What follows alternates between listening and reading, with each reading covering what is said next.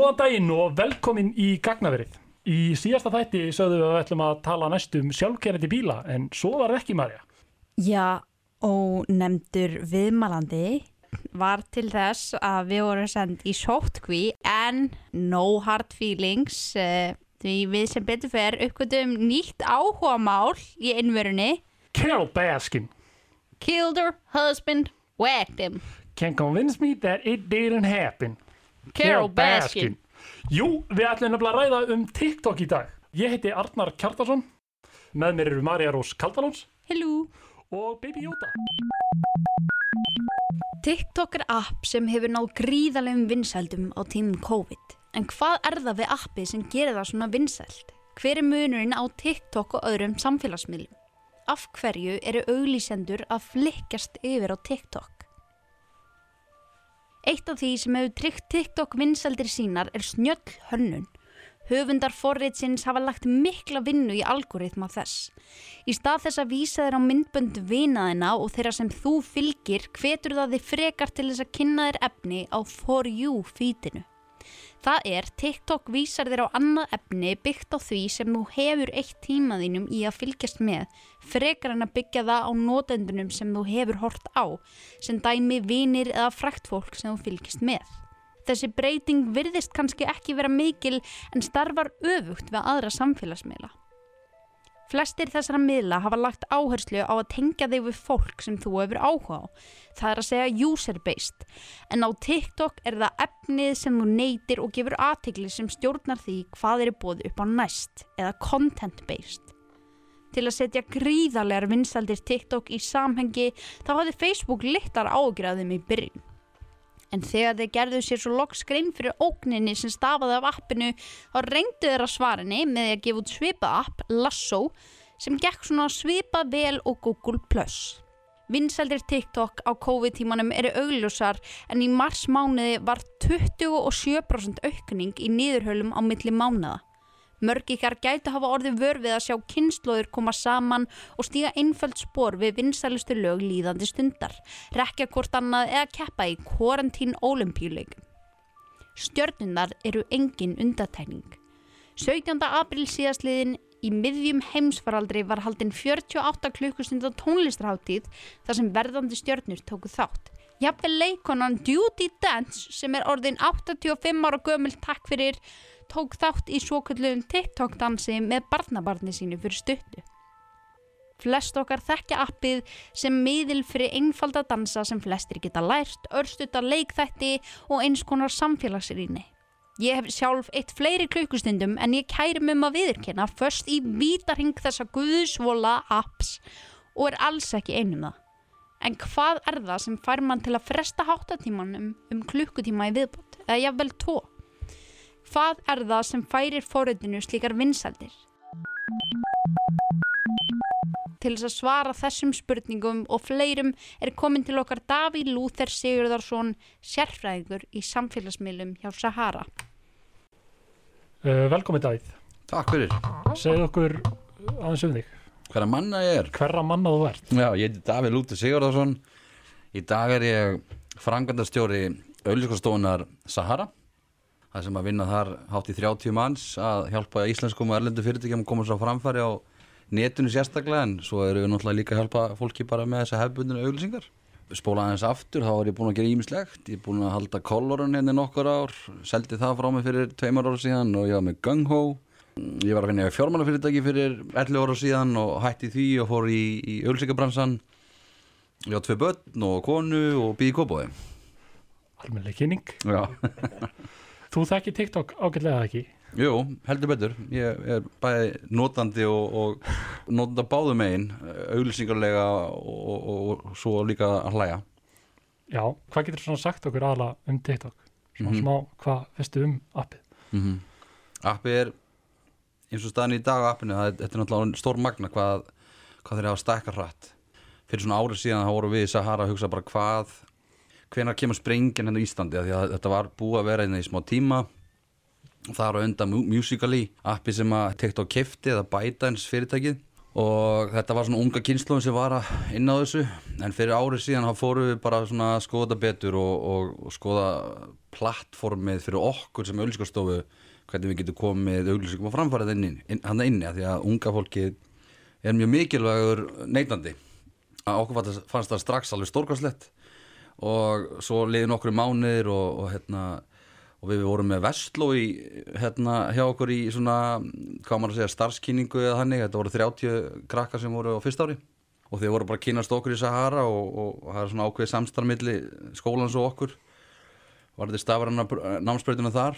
Við vorum með svona ákveðna skoðanakönnun hérna í nóvumber og settum bara fram svona stafræna skoðanakönnun upp á skjá. Allir fengu að- vóta genið síma sinn. Og við spurðum bara svona hvaða samfélagsmiðl eigið þú mestu tíma á? Og það var smá sjokk af því að við vitum að Snapchat er rosalega vinsælt í ungu kynslaðinu ennþá. En Snapchat lendi þannig í öðru sæti og TikTok vann þetta og þá bara fóru að hugsa ok, nú þurfum við að bara bregðast mjög hrætt við. Það eru 16 krakkar í Vestló eru að nota TikTok meira en Instagram eiginlega meira en Snapchat. Og Facebook legit ekki mjög vel út á skoðanarkönnu þarna. Þannig að þá settum við allt í gang okkar megin. Bara fórum að læra meira um TikTok á netinu og, og voru til dæmis í San Diego núna í februar og þar voru hérna 300-400 fyrirlesarar og, og átta, þú veist, rými til þess að fara að velja á milli hvort maður fer og það var mjög oft TikTok valið til þess að kynast því betur og, og, og sé ekkert til því en þess að þú kemur auðvitað með spurninguna eftir munir sem miðl degi eða ekki. Ég segi bara alls ekki. Þetta er hérna, gríðarlega vel reikið fyrirtæki sem er á bakvið TikTok og þeir eru með sko hátt í, auðvitað komið 20 önnur upp sem eru svona hliðar sýstur upp TikTok.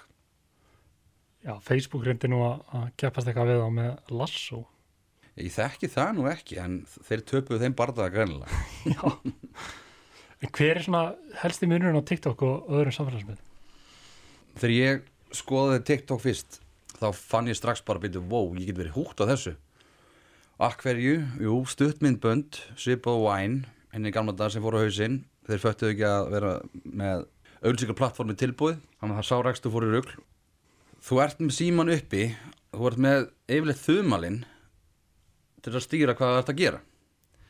Og inn á TikTok það er greinlega einhver sálfræðingur hjálpa þeim að hvað er að takka hann að vera. Þú svæpa bara upp þetta er leiðilegt vídeo, búm, búm, búm, búm, búm. þannig að þetta er rosalega notendavætt miðl og Instagram er það líka en hann er orðin svolítið þreytur hann var frábær fyrir tveimur, þreimur ára síðan. Þeir eru búin að koma einhverja breytingar alltaf eða fullt af breytingu fyrir geði þeir eru að gera frábæra hluti líka. Ég ætla ekki að, hérna, já, já, algjörlega. Og hérna, en TikTok er ótrúlega vel byggður samfélagsmiðl bara upp á fyrir notendan Já, svona notenda læsingu. mm Hvaða efni er þá inn á TikTok? Inn á TikTok er allt í dag. Fyrir ári og tveimur ára síðan var þetta rosalega mikið svona tengt. Það sem musicalið var að gera. Mikið af uh, krökkum, ungu krökkum að mæma við, við, við vinsa lög og dansa uh, TikTok hefur þróast út í það að halda því áfram en, en það komið rosalega mikið að skemmtilegum fítu sem er svo bara hérna, svona tjallisum fólk að gera alls konar æfingar og, og eitthvað svona sem að gerir lífið skemmtilegra. Þú veist, inn á Instagram getur þú tekið myndar á ströndinni og þú, þú bara setur hún inn og svo bara býður þú eftir að fá lækin sko. inn á TikTok eru fullt af skemmtilegum tólum filterum og raun- raunverulega ógeðsla finnir inn á milli þú getur gert andlitið mjög skrítið og, og, og hérna, röddina og allt þetta þannig að þetta er miðl sem er bara ógeðsla heitur í dag og þeir eru bara orðin allt öru sem hinnir en ég get að lofa því að að Mark Zuckerberg og félagar með nögu örglega hérna, taka eitthvað fítusa og, og þróað inn í Instastory og, og, og örglega Snapchat líka Já. En hvernig er þá auðlýsindur að nýta sér miðlinn? eiginlega bara ekki neitt sko en heima bara voru lítið vegna þess að við erum að lendi því bara eins og með Snapchat og Spotify að við fáum ekki aðgang að auðlýsika plattforminu ég er búin að sjá það og búin að skoða það og það er bara mjög flott en bara við erum ekki það stórt land að við séum komin inn á auðlýsika miðlinn sjálfan en við getum komist í gegnum Facebook. Þegar við erum að setja upp auðlýsingar á, á Instagram og Facebook þá getum við valið um eitthvað sem heitir Audience Network. Og það er þá TikTok inn í því og, og fullt af öðrum síðum út í heimi sem eru vinsalar, veist, það getur verið blogg eða fréttasíður sem eru bara tengd við audience networkið hjá Facebook. Við notum þetta mikið hérna, fyrir okkar viðskiptavinni í Sahara bara, og, og sérstaklega þá sem eru að reyna að ná til unga fólksins. Við notum það fyrir lögguna en daginn til dæmis. Við unnum skemmtilegt verkefni, eða mjög mikilvægt verkefni þegar hérna, COVID var upp á sitt versta þá var lauruglan að, tala um það var mikið tilkynningum var þetta heimilsóbeldi við fengum Fredrik Dór og Jón Jónsson til að, að hérna, koma fram í minnbönd til að tala við unga, unga fólkið. Við náttúrulega bara dundurum því náttúrulega auðvitaðin á TikTok og við hefðum þetta á rúsnesku, pólsku, ennsku og íslensku. Að þið hérna búa alls konar hérna, þjóðirni og og þetta er svona stafra nálgun okkar að ekki bara henda á Íslandingana þetta þarf að hugsa um alla og, og löggan var sniðug, þú veist löggan hérna leita til okkar og vissi að við gáttum gert þetta og, og hérna við bara settum þetta mjög mikilvæga verkefni í gang. En jújú, jú, það er fullt af íslensku fyrirtækjum en þetta, en að vera miklu fleiri veit að það verður algjör sprengja þegar þetta plattform mun, mun opnast betur ef það verður einhvern tíma því að ég er búin að vera í, núna í sambandið Snapchat í fjör ár búin að hitta það á tveim fundum einn í Þýskalandi og, og einn í Breitlandi og, og, og það var bara sagt þið eru ólítilt þess að við séum að opna okkar svona, þetta er náttúrulega gríðarlega dýrt að opna eitthvað útibú eða vera með útibú í London og vera með eitthvað íslenska tengingu sko. En ég skilða alveg, við erum bara 350.000 manns en svona leiðilt fyrir okkur sem stofu á Íslandi að geta ekki nota Spotify, Snapchat og TikTok nefnum einhverju krókalegum maður hefur líka eitthvað séð rosalega mikið auðlýsingum inn á TikTok mm. svona aðalega það sem að ég rækst á því ég var að reyna að brása í gegnum þetta mm -hmm. voru eitthvað svona hashtag mm -hmm. frá til dæmis svo Colgate var mér núna -hmm. eitthvað make your mother's day eitthvað, Mhm. eitthvað, eitthvað Já, var það ekki eitthvað svona challenge líka? Já. Já, einmitt. Þetta kostar 150.000 dólar held ég. einmitt. Að að, að því að þeir eru ekkert að hleypa Colgate inn til þess að vera með eitthvað challenge og borga bara eitthvað dólara sko. Nokkar dólara. Já. Heldur, það er bara eitthvað fáraleg verðskarið þessu. Ég held að það verður ekkert íslensk fyrirtæki sem mun búa til eitthvað svona challenge ef við þetta er sama við erum að tala um sko. En, en til þess að svona hreyfa við mjög mörgum á TikTok til þess að láta það taka þátt í tjálusunni þá þarf þetta að borga 150 dólara og það verður skemmtilegt verkefni að þið fáum það fyrir einhvern íslenska viðskiptavinn or bring it on. En Daði tók nú svona organic challenge. Hann hérna í jan og februar svona þegar hann var í sinni keppni hérna á Íslandi rétt ára og vanna þá var hann búin að henda sig inn á TikTok dansinn sinn og það fór nú ansi víða sá ég og, og er ennþá ég, ég var bara sko TikTok hérna rétt ári kom sko. Og það var einhver að dansa þann dans sko. Uh, hvernig gengur svona áhrifavöldum að færast yfir á TikTok? Herru bara ágætlega, þú veist. Það er að skapast líka nýjir áhrifaldar. Strákur sem heitir Lil Curly eða hann kalla sig Lil Curly, kannastu við hann? hann er að koma hérna á eftir. Já, ótrúlega skemmtilegur á, á TikTok. Hann var hérna við hittum um daginn, kynntustum aðeins og vorum að að tala um TikTok og hérna, sá strákur er að springa út og hann er með brjálað metnað ríkalega, hérna, hann skilur þetta rosalega vel. Og hann veit alveg hvernig algoritmin er að virka hana eða húnum grunar það ég held að það vitið enginn nema eigandinn og nokkar er hérna software engineer þarna. En hann er bara flottur og svo eru hérna fullt af öðrum sem eru að stækka hratt. Tanja ír minni með sem er halva miljón og fleiri, að ég held að sé bara frábær hérna, tími fyrir áhverjálda aðeins að bakka út úr Snapchat og, og prófa TikTok meira. Einmitt. já eins og komst að það er markvöður TikToks kannski svona yngra fólk. Já, en maður hefur séð í meira og meira mæli að miðaldra fólki að koma inn á miðlinn já, ég fagna því vegna þess að ég veit akkur þau eru að fara inn á miðlinn svona rætt þannig að hann springur á okkur tíma og það veit allir að unga fólki er hann inni að búa að brjálaðar herfer út um allan heim um neteinelti og, og, og allt þetta og ég held að eldra fólki sé að taka smá ábyrð þarna og fara aðeins inn og, og fylgjast með og hvað gerist? Jú, þau verður bara jafn háður svo unga fólki þetta, þetta, er svo skemmtilegt þannig að mér finnst það bara frábær þróun að unga fólki er ekki bara eitt hann inni En ég ætla samt að árætta það að TikTok er ekki með meiri einelt en einhver annar miðl. Málið að það sem gerist er að miðlar opna og þau verða vinsælir. Þá verður einelti. Það var einelti á XFM, það var einelti á Snapchat það er einelti á ennþá á Facebook. Kikið bara í þessa grúpum þetta er bara, þú veist það eru netröll allstaðar, þá er ég ekki að tala um unga fólki þetta er fullari fólk sem er sko með fimm hás, háskólaprófskilur þannig að ég er bara frábært að fullari fólk sé að fara inn sko. Heldur að mér ekki hafa áhrif á vöxtmiðil að mamma og papp er allir komin inn og þá er þetta ekki jafn cool lengur innan gæsalappa? Jú, maður hefur alveg smá áhugir að því sko. En, en ég á nú sjálfur 15 ára strák og, og hann er, er hérna fylgi mér og, og, og hérna sendir mér oft hérna eitthvað loll og broskalla þegar ég er að hendi ykkur inn og hún hérna finnst ég öruglega ókslega cool þótt hann segir mér að ekkert sko. En hérna það er öruglega mér fáir pappar. Ég er 36 eða 37 eftir tvær vikur en en hérna, mér finnst þetta bara hrikalega skemmtilegt og ég ætla að halda áfram að vera inn inni og ég fór hann inn bara til að forvittnast en, en ég fór líka að taka bara smá tilhörnir ég fór að taka eitthvað gömul vídeo sem ég átt á símónum, fór að henda þeim bara inn úr eitthvað náttúrumyndum og úr eitthvað útalansferðum og eitthvað svona.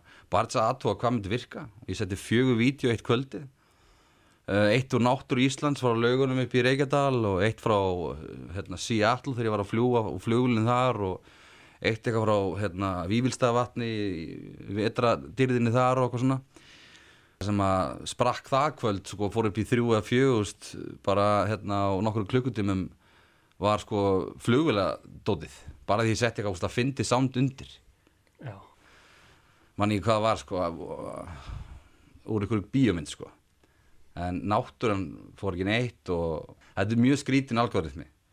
Og líka bara því að við fórum út í algoritman er að þeir segja sko að það sem þú fílar til að byrja með þú ert að þú ert staldra við, þú ert að horfa á það aftur og, og, og, og deilir í kannski til félagin en að gegnum messenger og allt þetta þá færðu mjög svipað aftur næstu daga. Það er verið að mata það sem þú fílar sem er bara frábært. Þannig að þú nennir ekki alltaf að fá sko eitthvað veiði hérna gæja eða konur veist, með veiðistöngin út í á ef þú ert engin veiði með þér Nei. þú hefur engan áhuga á því. En ef þú hefur mikinn áhuga á bílum og þú fer að gefa bílavídeó um hjarta þá fer það að fá miklu meira af þeim þannig að þú ert svolítið að reytstýra sjálfur uh, Hvernig náðu TikTok svona gríðalöfum vinsaldum á svona stundin tíma? Uh, þetta var kannski ekki stutti tími en maður fer alveg tilbaka sko. veist, hann stopnar fyrirtekið sitt ByteDance 2012 uh, Yang Yiming eigandin sem er, hérna, var 29 ára þá og, og hann byrjaði að stopna frétta app sem að lendi í smá vesinni frétta app sem tók frétti frá öðrum miðlum. Og það var strax komið með eitthvað sko, miljónir, ég man ekki, þú veist hvað var það aftur? Það var, já, allavega eitthvað miljónir á nótun á dag. Þanga til að fréttamiljónir fór að byrja um stopp á þetta. En þess að hann var basically að stela þrumunni og fekk alltaf trafíkina að hann samti við þá hann að, byrjun og borgar þeim svona greiðslur að komissjón fyrir að deila fréttunum til sín. Þannig að þetta app var hans stærsta dæmi. Og svo kom TikTok og það var bara vel stort mjög fljóttanna út í Kína. Hans strategía var hvernig hann allar að koma þessu til Evrópu og bandarækjana þá kifta hann músikali þeir voru þegar með 500 miljón nótunda og þegar það gerist þá bara svæpar hann út nafnuna músikali daginn eftir eru unga fólki að fara að opna og allt íni bara velkomin í TikTok. Og þá var hann búin að koma sér inn í bandarækin, Evrópu, komið í Kína og svo stækkar þetta og stækkar þetta og stækkar þetta. Já, svona það sem að WeChat og önnur kýminska upp kannski hafa ekki náð. Já, sko Í vestarum heimi þá. Já, það mun hérna, það mun alveg gerast alltaf ég að, að, að skjóta á. Þessi BAT fyrirtæki sagt Baidu, Alibaba og Tencent sem eru stærstu fyrirtækin í Kína. Þau eru í brjálugu stríði við ByteDance sem á TikTok. Það er bara brjálugu stríð á milli og, og, og, en þessi hef, hefbundi kínveri sem er með síma hann er umverulega bara með eitt app í símanum. Og það er bara WeChat. Því í WeChat getur þú borga með því. Þú getur fótosöfa myndina hennar. Þú getur opnað eitthvað map þú getur gert allt saman. En við Íslandingarnir eða við hérna hérna megin á nettunum erum með sko fjóra-fimm blaðsjóra öppum sko. Og bætans er með 20 upp líka. Þannig að þetta eru mjög fá svona plattform sem er í símanum. Það er mikil, mikil stríðan á milli. En, en, það verður líka spennend að sjá hvort að hvor, hvor fyrirtæki vinnur stríði eða þeir halda áfram bara. Kannski er einhvað einhver fyrirtæki eftir að kaupa hvort, hvort aðalan. En TikTok heitir Douyin í Kína. Já, það heitir ekki TikTok. Douyin. Staðarinn Já, En á hverju er TikTok svona ábannabindi? ja, bara eins og ég fór yfir áðan þú, veist, þú ert bara upp í sófaða líkur upp í rúmi og þú ert meitt þumal og þetta er ógeðslega fyndi myndböndin á milli þú veist, ef ef þú horfður á tíu myndböndi ég vissum að það eru fimm eða sex aðeins skemmtilega fyndin.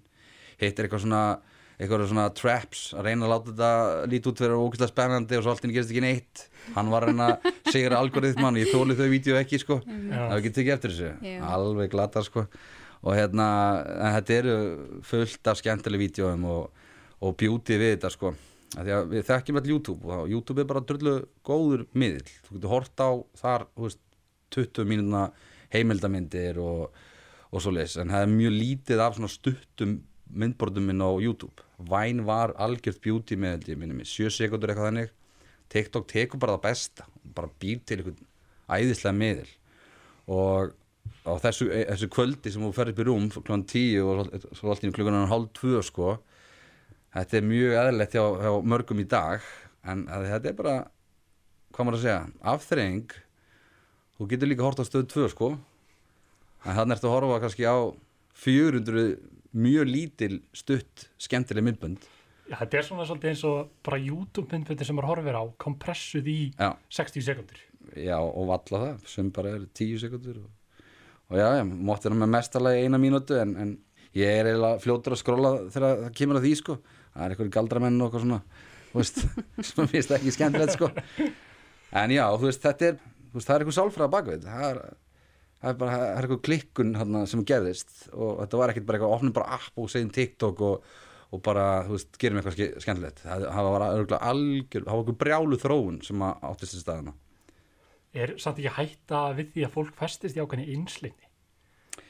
Ertu að meina þetta á algoritma þá Já, Eða- þú veist, þegar þú ert að fá bara eiginlega alltaf það sama, sko. Jú, en þá þarf þú bara að stíga niður löpunum og fara að íta á önnur hastök og, og leita okkur öðru sko. og það er bara eina svari við því sko.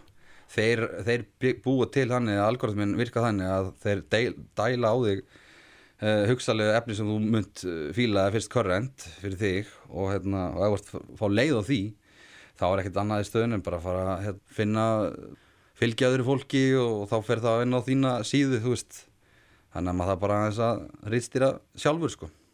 Af hverju gengur TikTok betur en öppunum sem koma undan? Eins og Musical.ly og Vine? Uh, ég held að Musical.ly væri bara alveg hjút í dag ennþá.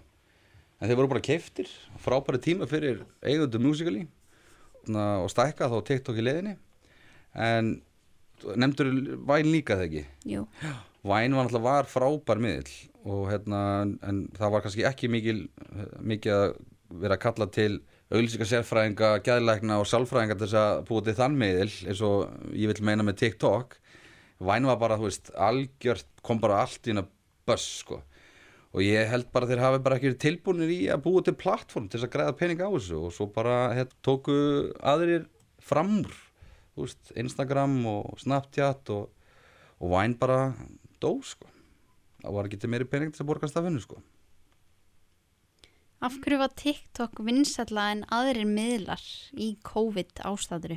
þeir voru ansi klókir, þeir fóru samstarf við hérna hú hérna, hvað heitir þetta á ennsku World Health Organization. akkurat, þannig að þeir í hú bara gáttu dælt inn upplýsingum á notendur sápa sig og tveggjumetrar fjarlægð og voru með kynningamindbönd og allt þetta og þetta var bara fólk að fíla og svo bara þú veist, hvað átt að gera í COVID sko? hvað átt að gera heima þér allar að fara á YouTube eða allar að fara á TikTok hvað sem getur hleyið og haft gaman sko.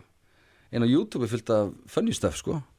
en það átt að leita og svo kannski finnur við vídeo sem er 12 mínútur og svo hvað átt að leita aftur og, en, en það er bara að dæl í þig þú veist, current efni og, og fólk um allan heima að segja hvernig sóttkvíðin sín er sko.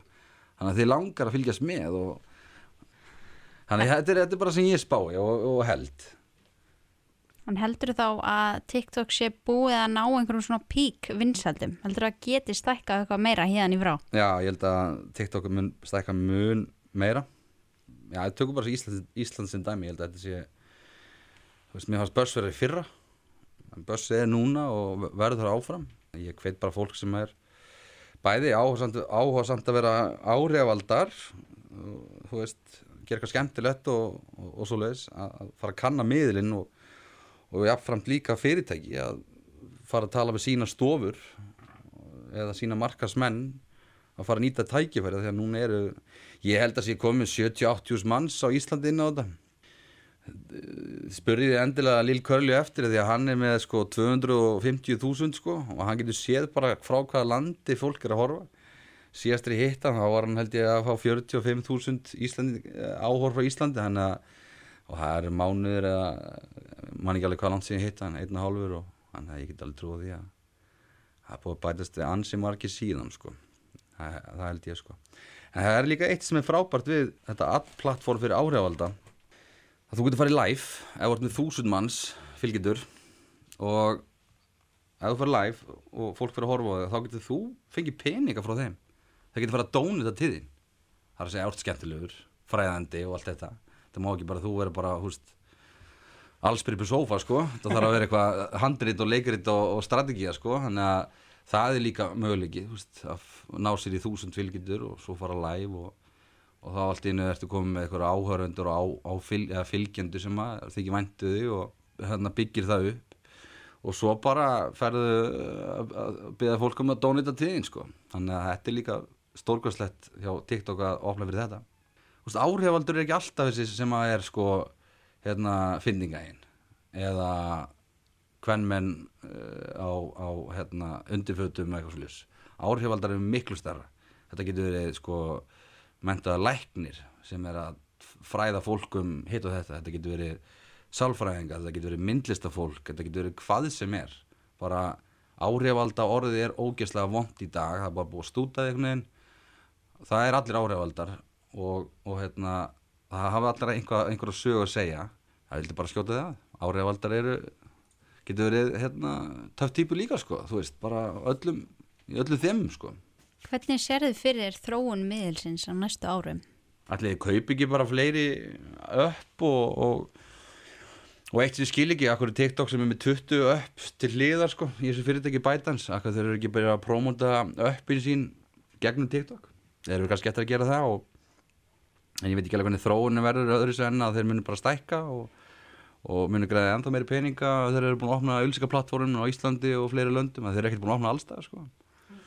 Mm, þannig að ég held bara að þeir munu þróast áfram og, og, og þessi tækni sko, því að við séum alls konar fólk getur breytt sér, hérna, sett nýja andlit á sig og, og allt þetta. Þannig að þeir eru með geggjað gengi hérna fyrir aftar sig í, í forritun og AI og allt þess að þetta mun bara vera ennþá tæknilegni miðl eftir einhvern nægst tíma Hvernig er það? Er það einhver sérstakir samfélagshópar sem eiga svona meiri sjans á megaðin á millunum heldur en aðrir? Svona áhrifaldar?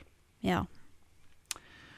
Já, ég meina, ég skal bara segja það, sko, þú veist, konur á undirfötum er, er bara því miður, það er bara, það verður alltaf börsk kringu það og ég vissum að þeir eru öll lægandi hérna, þeir eru öll sammála því, þú veist, kona sem fer á undirföt, hún fer bara þúsund fylgjendur á dag, ok? ég segja þessi, þessi þróun með áhrifalda að það munir koma kröfur á að fólk sem er með einhvað að segja.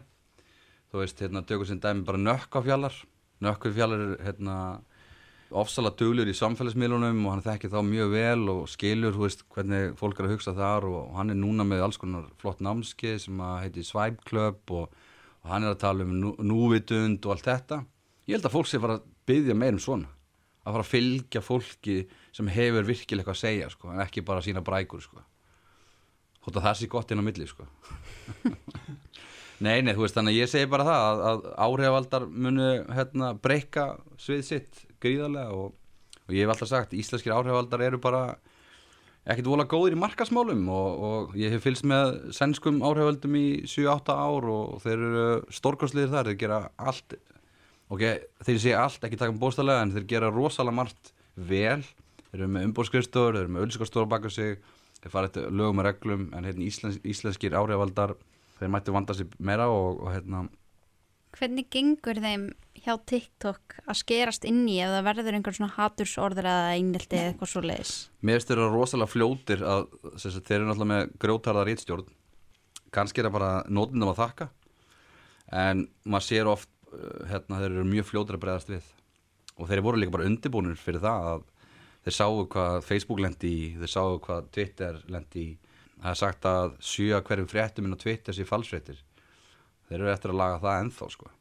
Uh, TikTok hérna lendi í tjóðs vesinni þegar þeir kefti Musical.ly þeir, þeir voru búin að eiga það í eitthvað smá tíma þá kom mjög stór krafa frá bandarækjunum um, um hérna, persónavenda vesin þess að þeir voru að deila upplýsingum frá nótundu sínum og þeir bara báðast afsakun og borguðu 5,8 eða 5,7 miljónir dollara.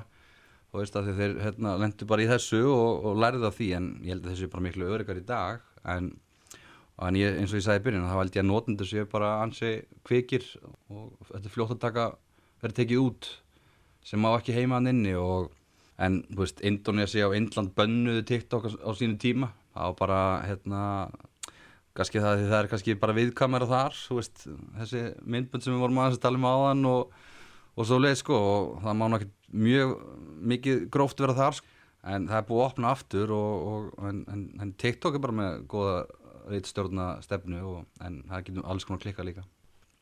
Þannig að ég segi bara fólk sem er með börn að drífa sinn og skoða hvað er að trenda og, svo líka annað sem að kannski til að loka þessu er að mér finnst mjög gaman þegar fóreldrar og börn er að gera sama TikTok. Það er búið að þróast núna síðustu fjóra-fimm mánu gríðarlega. Og það er bara flott. Þá bara er allt upp á borðum og, og pappi fara að fylgjast með vjúunum og strákurinn eða stelpa sem að hérna á akkantinn er að monta sig með svona pappa sjáu hvað við erum að fá mikið og Veist, en, en einu í enda áttan alltaf ekki að snúast um læk, ég er ekki að tala um það en, en þetta gerir það samt sem aður þannig eru samfélagsmiðlar maður fær ákvæmna viðkjöningu fyrir hjörtun eða lækin eða bróskallana en já, fullan fólk skoðiði miðilinn.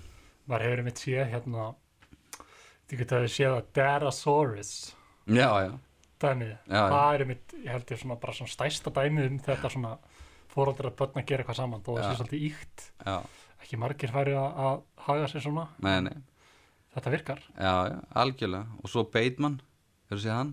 Nei, gæði með Batman-grímuna og börnin alltaf verið aftan. Já. Það er stórkostlegt, hann er búin að gera þetta í mörg ár. Hann byrjaði þegar hann var sko var bara, var bara single held ég sko.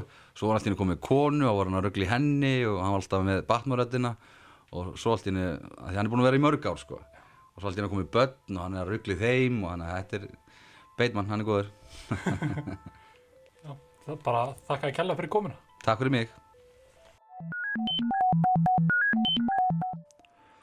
TikTok er þó ekki allt ást og kærleikur en appið er í eigu fyrirtækis sem virðist hafa sambönd við stjórnvöld í Kína. Eigundur forritsins hafa til að mynda verið staðinir af því að taka niður myndbönd sem tóttu gaggrinnin á kýmverski yfirvöld. Það vakti til dæmis mikla aðtikli þegar notandi sem sett inn myndband þar sem hún tóttist vera að sína fólki hvernig á að mála sig en endaði á að vekja aðtikli á útreymingabúðum sem ríkistjótt Kína hefur staðið fyrir sem hluta af aðgjörnum ríkisins til þess að breyta múslimum í diggastuðnismenn kommunistaflokks Kína. Myndbandinu var eitt af miðlunum. Einnig hefur appið fengið gaggrinni fyrir það að íta undir óeðlilega fegurastala og bæla niður myndbönd frá notendum sem flokkast ekki sem eftirsóknarverð. Ásamt þessu hefur forriti verið harðlega gaggrind fyrir að vera með heldur vafa saman notendaskilmála og hafa yfirvöld í bandaríkunum saka þá um að safna ólöglegum notenda upplýsingum um fólk sem notar forritið. Indland er það land þar sem TikTok er vinsælast, fyrir utan Kína. Þrátt fyrir það þá bönnuði indver stjórnvöld appið stuttlega árið 2019 vegna þess að þau töldu að appið kemur börnum í snertingu við óæskilegt efni, óbrútna aðila og það ítti undir einhelti. Það er talið að appið hafi tapað 15 miljón nýjum notendum á þeim tíma sem það var bannað. Stjórnveld leiði það aftur eftir að eigundu forrætsins lofið að herða á reglugjörðu þess.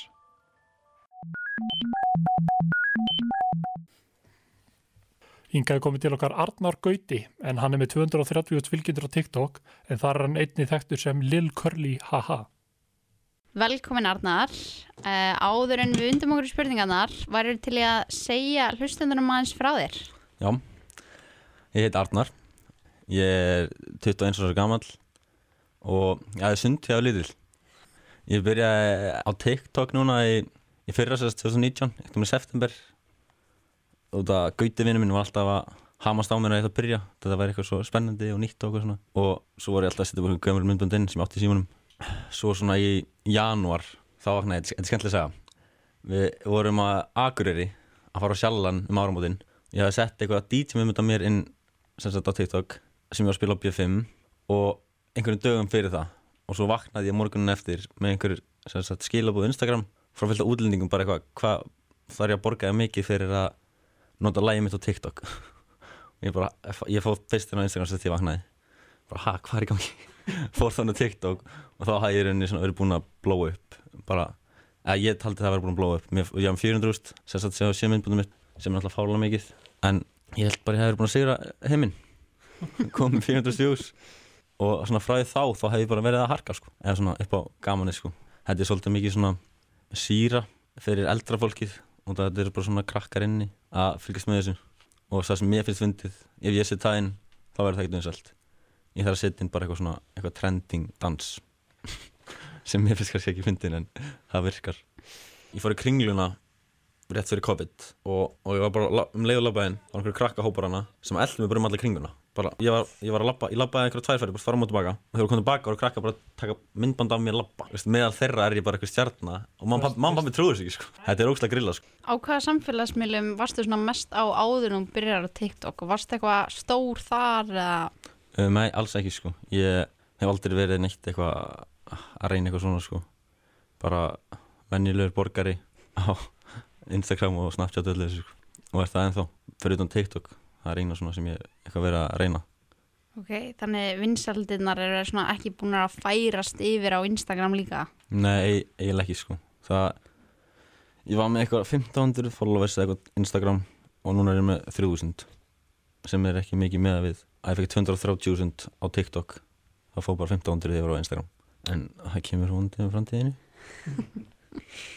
Ok, hvenar fórstu fyrst að sjá einhverja vinsaldir? Var þetta bara eftir að settir DJ myndband inn á Já, og held það bara áfram þaðan? já þetta er svona, svona, svona snjóballi bara sko þá, fekk fyrst 400.000 þar og svo er það bara, það er ennþá að rulla í rauninni og það er komið núna í 10 og halva leiðis og þetta þetta fer sko þetta byrjar allt svona á Íslandi allt sem þú setur inn, kontentið sem sagt og svo færist það yfir á, yfir Evrópu, Evrópu og það gengur vel þar, það er yfir í Bandaríkin. Og ég er með svona flestu fylgjendunum mína þar einmitt í Bandaríkinum og um leið og feti Bandaríkina þá oftast springur þetta upp. Og það er svona, þú vilt komast þangað það er alltaf gólið hjá mér svona er ná myndbunum þangað, þá færðu við ús annars ertu bara fastur í íslensku 40 mann sem er hérna á TikTok sem sett Okay. Hvernig myndir þú segja að svona dæmigert TikTok content væri? Já, eins og það bara eitthvað ógeðslega heilalust og vittlust minnst það svona oftast virka og ég er alveg búin að missa sjálf, smá sjálfsverðingu fyrir sjálfur mér. Að vera á þessu appi sko. Og ég seti inn sem myndbund og sendi bara sorgi á strákana eftir þetta.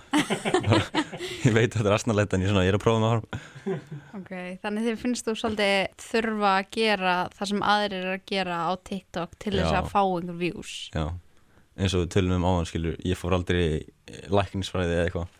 Ég sagði það bara upp á tjókið Veit, geggja. Já, Þannig eru flestur áhörönduðinir þá í bandaríkjunum að þú ert búin að brjóta þennan múl. já í rauninni, ég er með veist, 100 árs fylgjendu þar, cirka og hérna heima er ég með ég sé bara prósenduna þetta er 4% af 230 sem ég var að tjekka, sem er 10 eða eitthvað Vá. Já, ég ætla að var mjög heppin líka og ég var svolítið svona snemmi í þessu frekar en ekki Mm það verður alltaf bara erfaðara og erfaðara að fá fylgjendur saman Instagram skilur -hmm. eins og bara eins og í fyrra sem er krakkar ef maður svona ber saman like-in og followers það er eins og það er einn íslensk stelpa sem er 600 followers og 600 like.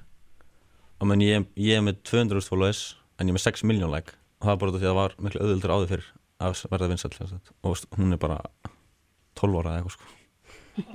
Já, en hún, hún gerði allir svona dan, dans og fimmleika myndbönd og okkur svoleiðis Þú ert ekkert komin í það. Já, ég, ég er ekki að dansa ég hef sett tvö Þannig að þú ert komin í dansvídeón líka Ég, ég ætla ekki að fara í það sko. Ég ætla aldrei í það en það var bara upp á djóki sko. Hverju myndir þú segja að væri svona helstu ókostir miðilsins? uh, Að búa í Íslandi og, og þessi sagði á hann Þetta er bara svona Ef ég ger eitthvað mjög gott myndband sem ég finnst mjög gott og svo sé ég bara alveg eins myndband hjá einhverjum öðrum og það er fólk sem að kopja mann skilur þetta því að þau sjá bara myndbandið þín bara þetta er fyndið eitthvað svo og þá gerir það bara alveg eins. Og það stundir springur upp bara það er í bandaríkunum það er, það er miklu öðvöldara eða einhverjum annars er í bandaríkunum líka. En bara Íslandi er náttúrulega litla Ísland og þá fer þetta ekkert mikið lengra oft. Heldur að þetta COVID ástand hafi haft einhver áhrif á vinsaldir þeinar? Já, ég fekk fullt af unfollows og það var ekki postanir en annars samt fór fullt af nýju fólki inn á TikTok og það var, ég las einmitt einhverja greinum að ógæslega mikið fullan fólki downloada þessu núna yfir COVID örgulega til að fylgjast með bönnunum sínum með eitthvað svolítið og svo líka er alltaf eldra og eldra fólk að fara á þetta sko. er sýsti mín, eldgömmul hún, hún er byrjað á þessu og ég bara eigður nokkun tíma á það á dag sko. Okay. kemur fyrir, Hvernig líður með það? það er allt í góðu sko. þú er ekki að sína með pappa ok. Þú Vilt, þau hafa sérst ekki séð myndböndin, mamma og pabbi. Jú, ég hef sínt þeim eitthvað og, sýsti mér líka svona um mataborðið Hungurlegt. Já, Hversu miklum tíma eigður í að plana myndböndin? ekki miklum sko. Erst, Ég er allir tímanum bara að skrolla á TikTok sko. Það er, ég er alltaf mikil tíma sko. Það er bara að skrolla og svo bara, heyr, þetta er skemmtilegt, ég ætla að prófa þetta. En þetta er, annars er þetta bara eitthvað þegar við strákanir erum að chilla eða á biffanum eða eitthvað. Fyrir einhver peningur í að gera þetta? Nei, alls ekki sko, þetta er alltaf bara eitthvað Já, ég, ger, ég hef aldrei gert neitt myndband sem að hefur tekið eitthvað tíma eða kosta pening þannig sé sko. Hverja fílar þú mest á TikTok? um, Lil Draco Lil Cocoboy og Lil Swaglord Ok, Það er strákanir þeir eru sérst íslendingar. Já, Ok, ok. Pínu sjátt kannski. já, við erum allir alltaf svona í þessu saman sko Ég nefn ekki að vera einn eitthvað heima Jæja, nú ætla ég að dansa Þetta er alltaf, Skárra að skipta sjálfsverðingunni út fyrir followers að ert að gera með Já. vinniðinum. þetta er ekki jafn uh, skrítið sko Ok.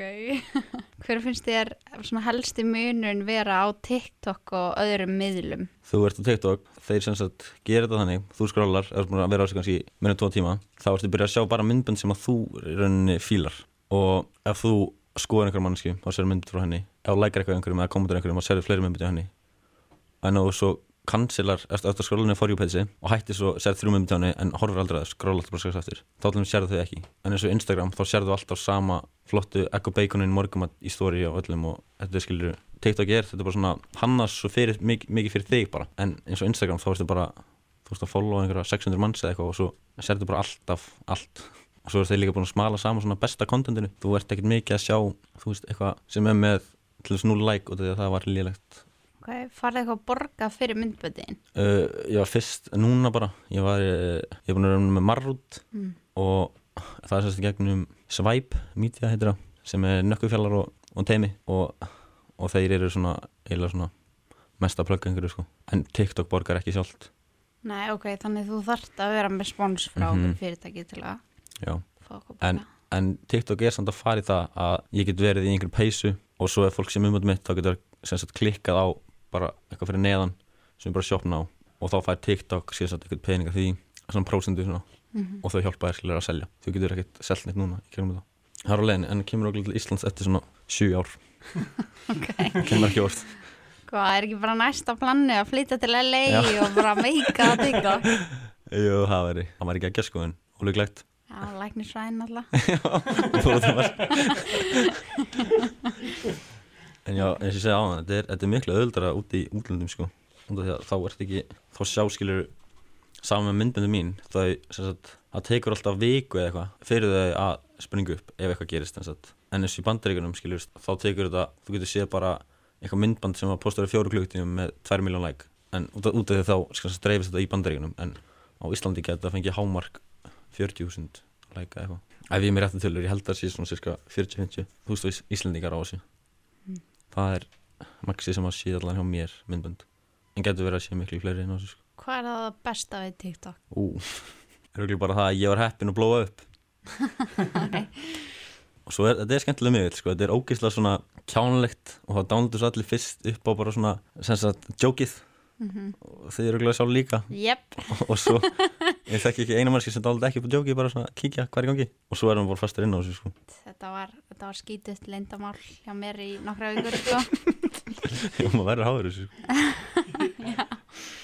Nú svona fleiri og fleiri íslendingar farnir að vera, þú veist, verða háður þessu líka þannig að maður Mhm. getur fara að tala um það opinberlega, að maður sé að horfa á TikTok myndbönd og þú veist, skamma skömm. bara smá. Nei, nei, nei, okay, það okay. er allt í góðu. Hefur TikTok eitthvað verið að eyða myndböndinniðinum? TikTok er endar ógeðslega leðilegt með það. Þau eru duglega eða myndbandunum mínum, þau eru mjög leðilega með og það er bara eins og var í súpmannbúning það var enda lélt myndband og þetta því en ég ger ekkert af mér, ég var bara í súpmannbúning eitthvað að hoppa. Og svo var ég núna bara í fyrradag, var ég sérst að skera banana með hníf. Og þá mátti ég ekki halda á hnífnum. Eða bananin, ég veit ekki hvort það var. Annarkvort nýverinn eða bannin Já.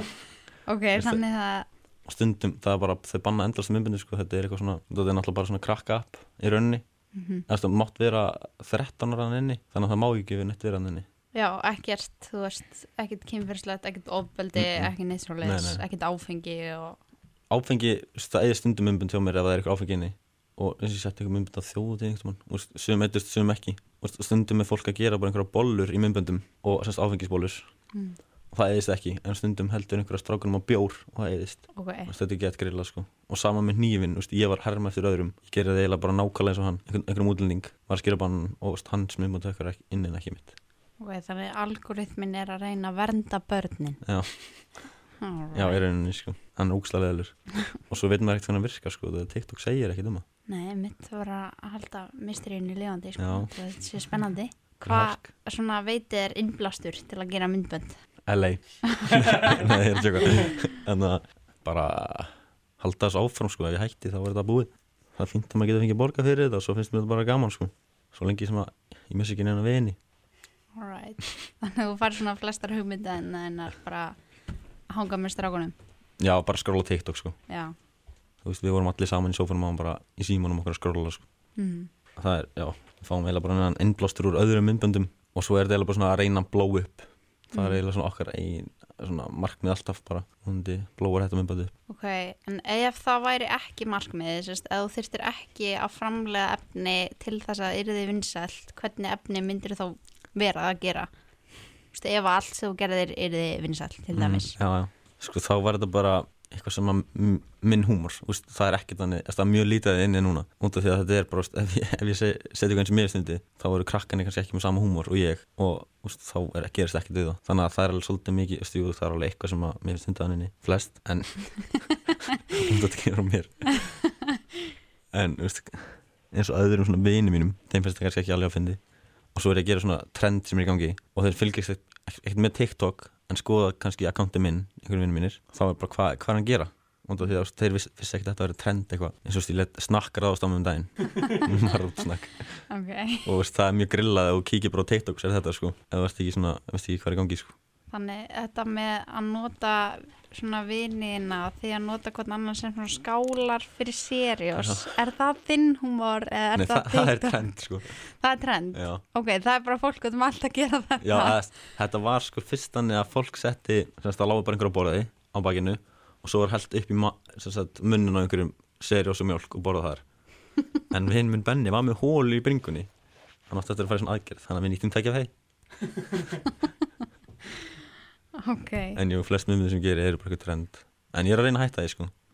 Hvað veist þér finnast á síðunniðinni? Ú, býtu, sko það er í rauninni ekkert að vinsala sko. það vinsalist það er oftast þegar ég nota bara eitthvað með kæristunum minni eða eitthvað sko. Lítið krakkan er elska það en þú veist, ég er að hérna detta til dæmis. Minnst að mér fyndi og, að, nei, DJ minnmandi þegar ég var að spila biffum, minnst það var skemmtilegast. Það var fyrsta, Mm. það liggur inn í hjarta mínu Einmitt, fyrir ykkur sem ekki vita þá er það sérst þú að transitiona All I Want for Christmas is Já. You yfir í Soulja Boy. Endilega kíkið á það. Ef þið voru að bæla. Og hvað er attið á TikTok fyrir þá sem vilja, vilja finna akkántiðin? það er Lil Curly, ha ha Lil Curly, haha. Lil Curly var uppteki já, Alright, þar hafið það. Já, Þá segir ég bara takk fyrir komuna bara takk fyrir mig Já, það er á kristaltæru að við munum halda áfram að heyrum TikTok í umræðinu á næstu mánuðum. Mætir TikTok sömu örlögum og aðri samfélagsmiðlar. Snapchat hættir að vera spennandi því mamma og pappi eru þar og Instagram tekur við.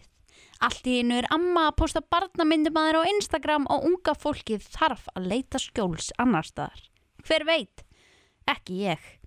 Við þökkum viðmannendum okkar innilega fyrir komuna og ykkur fyrir að hlusta. Í næsta þætti kemur ljós hvað við tökum fyrir. Við vitum það ekki sjálf. Þanga til næst, við höfum verið gagnaverið.